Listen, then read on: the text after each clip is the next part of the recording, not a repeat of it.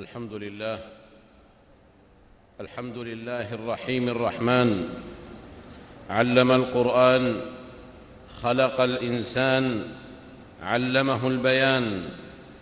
له مقاليد السماوات والأرض. سبحانه كل يوم هو في شأن. وأشهد أن لا إله إلا الله وحده لا شريك له. وأشهد أن محمدا عبده ورسوله. سيد ولد آدم أجمع وخير من صلى لله وركع وأبلغ من دعا إلى الله فأسمع. صلى الله وسلم وبارك عليه وعلى آل بيته الطيبين الطاهرين وعلى أزواجه أمهات المؤمنين وعلى الصحابة والتابعين ومن تبعهم بإحسان إلى يوم الدين. وسلم تسليما كثيرا. أما بعد فأوصيكم أيها الناس ونفسي بتقوى الله سبحانه. إذ بها المغنم وعليها المعول والمعتصم ألا إن أولياء الله لا خوف عليهم ولا هم يحزنون. الذين آمنوا وكانوا يتقون لهم البشرى في الحياة الدنيا وفي الآخرة. لا تبديل لكلمات الله ذلك هو الفوز العظيم. أيها المسلمون إن الهيمنة إن الهيمنة لنزعة الشهوة والأثرة وحب الدنيا وكراهية الموت قد ولدت في كوامن كثير من المجتمعات المسلمة قسطا وافرا من القنوط واليأس وذوبان الأمل والشعور المستحكم بأن سيادتها في الأرض وريادتها فيهما نوع استحالة تجعل القناعة بمثل ذلكم لونا من ألوان الرضا بالواقع والاستسلام للمستجدات والمدلهمات ايا كان نوعها حتى لو كان فيها ظلم الإنسان وقهره وإهدار كرامته ومحو هويته ومحو هويته مع أن حقيقة الإسلام وواقعه يؤكدان أنه لا انفصال بين العمل للدنيا والعمل للأخرى وأن ليس ثمة تغليب للجسد على حساب الروح ولا للروح على حساب الجسد. إنما هناك تنظيم دقيق يجعل همة الإنسان المسلم والمجتمع المؤمن في أن يتولى القيادة. ويمسك بالزمام فلا هي رهبانية تقتل نداء الفطرة والجبلة ولا هي مادية جوفاء وأفئدة هواء. تتجاهل سناء الروح وتطلعاتها إلى الرفعة والتمكين. تتجاهل سناء الروح وتطلعاتها إلى الرفعة والتمكين. وهذا الحق عباد الله هو ما يجب أن يعرفه عامة المجتمعات المسلمة بجلاء ووضوح وأن تبح له حناجر الباحثين عن الصالح العام لأمتهم ومجتمعاتهم. فإن الله جل وعلا فإن الله جل وعلا سخر آفاق السماء وفجاج الأرض وجعلها في خدمة الإنسان ليعمر أرضه ويخلف فيها بالإصلاح. والعبودية له وحده وليكون عزيزا مطاعا لا ذليلا مهانا وليكون متبوعا من قبل أمم الأرض لا تابعا. فإن الله سبحانه وتعالى قد قال ألم تروا أن الله سخر لكم ما في السماوات وما في الأرض وأسبغ عليكم نعمه ظاهرة وباطنة. ومن الناس من يجادل في الله بغير علم ولا هدى ولا كتاب منير. ولذا عباد الله فإن هذا التسخير الإلهي لم يكن عبثا بلا حكمة ولا نعمة لا تقتضي شكرا يشاهد على أرض الواقع من خلال إقامة شرع الله في أرضه وإعلاء كلمته لتكون هي العليا على هذه البسيطة. إن تكفروا فإن الله غني عنكم. ولا يرضى لعباده الكفر وإن تشكروا يرضه لكم. ومن هذا المنطلق ومن هذا المنطلق عباد الله كان لزاما على أمة الإسلام أن تدرك أمرين جد عظيمين تحمل عليهما الضرورة تارة ويهدي إليهما الدين تارات أخرى. بل كل منهما يستلزم الآخر ويستصحبه استصحابا حثيثا. والأمران عباد الله هما التآخي والائتلاف بلا تفرق واختلاف وعلو الهمة لبلوغ الأرب وعلو الهمة لبلوغ الأرب في الرفعة والريادة دون استكانة أو خنوع لغير الله سبحانه وتعالى. بهذين الأمرين عباد الله تنمو الأمم فتعظم فتسود ما شاء الله ما شاء الله أن يحيا فيها هذان الأمران. وإنه متى رؤي من أمة الإسلام. ميل صادق إلى الوحدة والتمكين. فإن العاقبة لها فإن العاقبة لها ما من ذلك بد. فتلك هي السنة الكونية والدينية.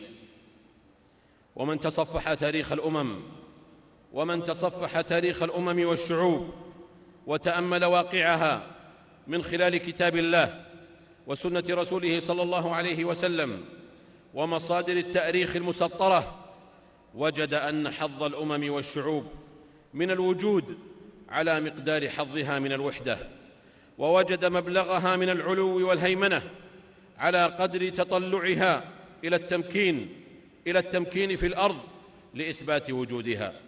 ولوجد أيضا أنه من حرف قوم عن بلوغ ما ذكر فألهاهم بما بين أيديهم وأوقفهم على أبواب ديارهم ينتظرون طارقهم بالسوء إلا بعدما رزئوا بالاختلاف والافتراق ودنو الهمة والحطة والشقاق والرضا بالحياة الدنيا من ال... والرضا بالحياة الدنيا من الآخرة وما متاع الحياة الدنيا في الآخرة إلا قليل. الاتحاد والاتفاق والائتلاف. أيها المسلمون تقارب يحدثه شعور كل فرد من أفراد أمة الإسلام بما ينفعها وما يضرها. شعور يبعث كل, يبعث كل واحد منا على التفكر في أحوال أمته ويجعل لهذا التفكر جزءا من زمنه وهمه وألا يكون هذا التفكر أقل من همه لمعاشه. ورزقه فضلا عن أن يكون مجرد تفكر لا يجاوز جدران مخيلة المرء نفسه بل تفكر يتبعه عمل وعزيمة يخلفها إصرار. ولهذا جاء حث النبي صلى الله عليه وسلم على التماسك والتآخي بين المؤمنين وذلك في قوله صلوات الله وسلامه عليه المؤمن للمؤمن كالبنيان يشد بعضه بعضا. ثم شبك بين أصابعه صلوات الله وسلامه عليه. رواه البخاري ومسلم. وفي مثل قوله صلى الله عليه وسلم مثل المؤمنين في توادهم وتراحمهم وتعاطفهم مثل الجسد. إذا اشتكى منه عضو تداعى له سائر الجسد بالسهر والحمى. رواه مسلم. ففي الحديث الأول جعل موضع المسلم بين إخوانه بين إخوانه المؤمنين كالبنيان الذي لا يقوم بعضه إلا على البعض الآخر من خلال تراكم اللبنات وتشابكها. وفي الحديث الآخر أنزل المؤمن من أخيه منزلة أحد الأعضاء في الجسد إذا مسه ألم استنفرت بسببه سائر الأعضاء. فلله فلله أي تشبيه للأخوة أعظم من هذا التشبيه. الذي نطق به من أوتي جوامع الكلم بأبي هو وأمي صلوات الله وسلامه عليه. إن هذا الترابط والتآخي والحض عليه من قبل الشارع الحكيم لم يترك هكذا دون سياج يحاط بتحذير وتخويف بل أتبع بالنهي عن ضده وهو الاختلاف والتدابر والخروج من دائرة المؤمنين الجامعة حيث توعد الله الواقع في ذلكم بقوله ومن يشاقق الرسول من بعد ما تبين له الهدى ويتبع غير سبيل المؤمنين نوله ما تولى ونصله جهنم وساءت مصيرا. هذا هو موقف الدين. هذا هو موقف الدين الإسلامي من العنصر الأول الذي هو عنصر الذي هو عنصر الائتلاف والتآخي. الموافقين للهدي السماوي الإلهي.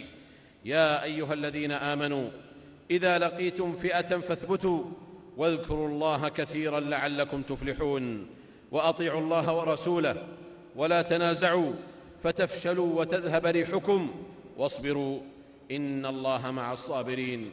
بارك الله لي ولكم في القرآن العظيم ونفعني وإياكم بما فيه من الآيات والذكر الحكيم.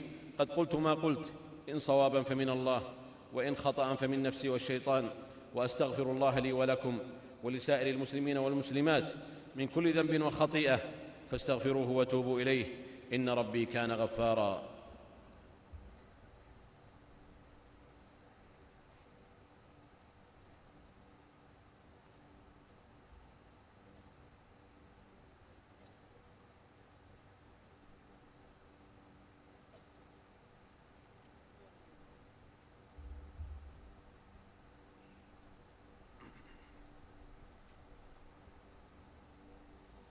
الحمد لله وحده والصلاة والسلام على من لا نبي بعده وبعد. فثم عنصر آخر عباد الله وهو عنصر الهمة نحو بلوغ العزة والرفعة والتمكين في الأرض. من خلال السعي الصادق لبث دين الإسلام والتمكين له والإعلاء لكلمة الله في أرضه وعمارتها بالعدل والقسط. وإن آيات القرآن وأحاديث النبي صلى الله عليه وسلم حافلة بذكر ذلكم داعية إليه جاهرة بالحض عليه حاضرة عليهم أن يستكينوا أو يتخاذلوا أو يتوانوا في المفروض والقيام به. إن كل الرزايا التي تحل بأقطار المسلمين وتضع من أقدارهم ما كان قاذفهم ببلائها وراميهم بسهامها إلا افتراقهم وتدابرهم الذي نهاهم الله عنه ونهاهم عنه رسوله صلى الله عليه وسلم. ولو أنهم أدوا تلك الحقوق التي تطالبهم بها كلمة الله العليا وتطمئن قلوبهم بذكرها لما كان للغريب مجال لأن يمزق شملهم كل ممزق أو أن يفرقهم شذر مذر. أو أن يلمع سلاحه عدوانا وظلما في وجوههم بعد أن كانت أقدامهم في صياصي أعدائهم وأيديهم على نواصيهم ردحا من الزمن. هل يود المسلمون أن يعمروا مئات السنين في الضعف والدون وهم يعلمون أن ازدراء الحياة وزخرفها والزهد فيها هو دليل النفس المؤمنة؟ أيرضى المسلمون وقد كانت كلمتهم هي العليا أن يضرب عليهم الخوف والجوع وأن يقذف في قلوبهم الرعب وتبلغ قلوبهم الحناجر ويظنون بالله الظنون وأن يستبد في ديارهم وأموالهم وأرضهم التي استنشقوها من هو أجنبي عنهم دينا وخلقا وسياسة أو من لا يرقب فيهم إلا ولا ذمة بل أكبر همه العبث والتشريد والتفريق والقتل والظلم حتى يخلي منهم أوطانهم التي خلقوا فيها وربوا على ثراها ثم ثم يضرب القرعة بين المقتسمين أرضهم وأموالهم. إن الوحدة إن الوحدة والتطلع إلى الغلبة وصدق الرغبة في حفظ حوزة الإسلام كلها صفات كامنة في نفس كل فرد. وكل مجتمع مسلم إلا من شاء الله. بيد أنهم بيد أنهم دهاهم ما يلهيهم عن استصحاب ذلكم واستصحاب حكمه. فذهلوا عن سماع أصوات الساعين إلى العدل والحق فسهوا وما غووا وزلوا وما ضلوا ولكنهم دهشوا وتاهوا وسط زوابع الدنيا وزخارفها وأطيافها الزائلة. حتى أصبحوا يطلبون العون وهو معهم ولكنهم لا يهتدون إليه سبيلا فصاروا كالعيس في البيداء يقتلها الظمأ والماء فوق ظهورها محمول. إن علينا جميعا أن ندرك حجم عداوة من لا يحبنا ولا يهمه أمرنا كما أن علينا جميعا أن ندرك السبل والوسائل التي يتربص بها عدونا وأن نذكي محلها الوسائل الإيجابية مع الرجوع إلى الله والألفة والعزيمة والتغلب والتغلب على الهوى والرغبة الشخصية وتقديم مصلحة الإسلام والمسلمين على كل مصلحة دونها. وما كان قولهم إلا أن قالوا ربنا اغفر لنا ذنوبنا وإسرافنا في أمرنا وثبت أقدامنا وانصرنا على القوم الكافرين. فآتاهم الله ثواب الدنيا وحسن ثواب الآخرة والله يحب المحسنين. إن إدراك حجم الوسائل التي يحاربنا بها أعداء, بل أعداء بلداننا أو ديننا أو ثقافتنا لهو من الضرورة بمكان والا يضيق فهمنا وإدراكنا على تفسير قوتهم وغلبتهم بوسيلة الحرب فحسب. كلا فتلك نظرة ضيقة وفهم قاصر لهذا الواقع المؤلم. بل لقد تعدى مدى الوسائل حتى شمل افاقا متعددة نراها ماثلة في الثقافة والمشاعر والإعلام والفكر. بل لقد أصبحت الكلمة بل لقد أصبحت الكلمة والصورة والخبر والصحيفة والبث الفضائي أدق الوسائل إلى غاياتهم المرسومة. إذ تفتك بالأمة فتك السهام بلا قوس ولا وتر. فتطعن بغير سكين وتقتل بغير سلاح وتأسر بلا حرب وتحكم بلا مبدأ. إذا كانت هذه هي وسائلهم السلبية فأين نحن من الوسائل الإيجابية؟ وإذا كانت هذه هي هممهم الدؤوبة هي هممهم الدؤوبة فلماذا هممنا خواء وغاياتنا هواء وعزائمنا غثاء وعزائمنا غثاء لماذا تمس أصابعهم الأشياء فتنجح وتمسها أصابعنا فتضطرب؟ إن مستقبل المسلمين ينبغي أن يزرع في بلادهم وعلى أرضهم بأخلاقهم وفكرهم وقوتهم وأن يكفوا عن صفات التسول بكل صنوفه في طاقاتهم وإعلامهم وثقافتهم والا يضيعوا في تيه العقل الذي يشحذ ولا يؤسس. فينحى حينئذ عن القيادة والريادة قسرا ولا تساعة حيلة. ولقد صدق الله جل شأنه. ولا تهنوا ولا تحزنوا وأنتم الأعلون. إن كنتم مؤمنين إن يمسسكم قرح فقد مس القوم قرح مثله. وتلك الأيام نداولها بين الناس وليعلم الله الذين آمنوا ويتخذ منكم شهداء. والله لا يحب الظالمين. هذا وصلوا رحمكم الله. على خير البرية وأزكى البشرية. محمد بن عبد الله صاحب الحوض والشفاعة. فقد أمركم الله بأمر بدأ فيه بنفسه وثنى بملائكته المسبحة بقدسه. وايه بكم أيها المؤمنون فقال جل وعلا يا أيها الذين آمنوا صلوا عليه وسلموا تسليما. اللهم صل وسلم على عبدك ورسولك محمد وارض اللهم عن خلفائه الأربعة أبي بكر وعمر وعثمان وعلي وعن سائر صحابة نبيك محمد صلى الله عليه وسلم وعن التابعين ومن تبعهم بإحسان إلى يوم الدين وعنا معهم بعفوك وجودك وكرمك يا أرحم الراحمين. اللهم أعز الإسلام والمسلمين. اللهم أعز الإسلام والمسلمين. اللهم أعز الإسلام والمسلمين. واخذل الشرك والمشركين. اللهم انصر دينك وكتابك وسنة نبيك وعبادك المؤمنين. اللهم فرج هم المهمومين من المسلمين. ونفس كرب المكروبين. واقض الدين عن المدينين. واشف مرضانا ومرضى المسلمين. برحمتك يا أرحم الراحمين. اللهم من أرادنا وأراد الإسلام والمسلمين بسوء فاشغله بنفسه واجعل كيده في نحره.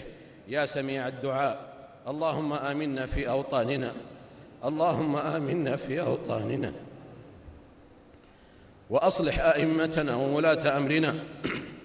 واجعل ولايتنا في من خافك واتقاك واتبع رضاك يا رب العالمين.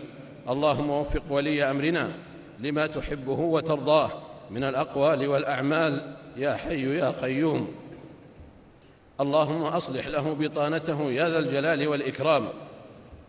اللهم آت نفوسنا تقواها وزكها أنت خير من زكاها أنت وليها ومولاها. اللهم أصلح أحوال المسلمين في كل مكان. اللهم انصرهم على من ظلمهم.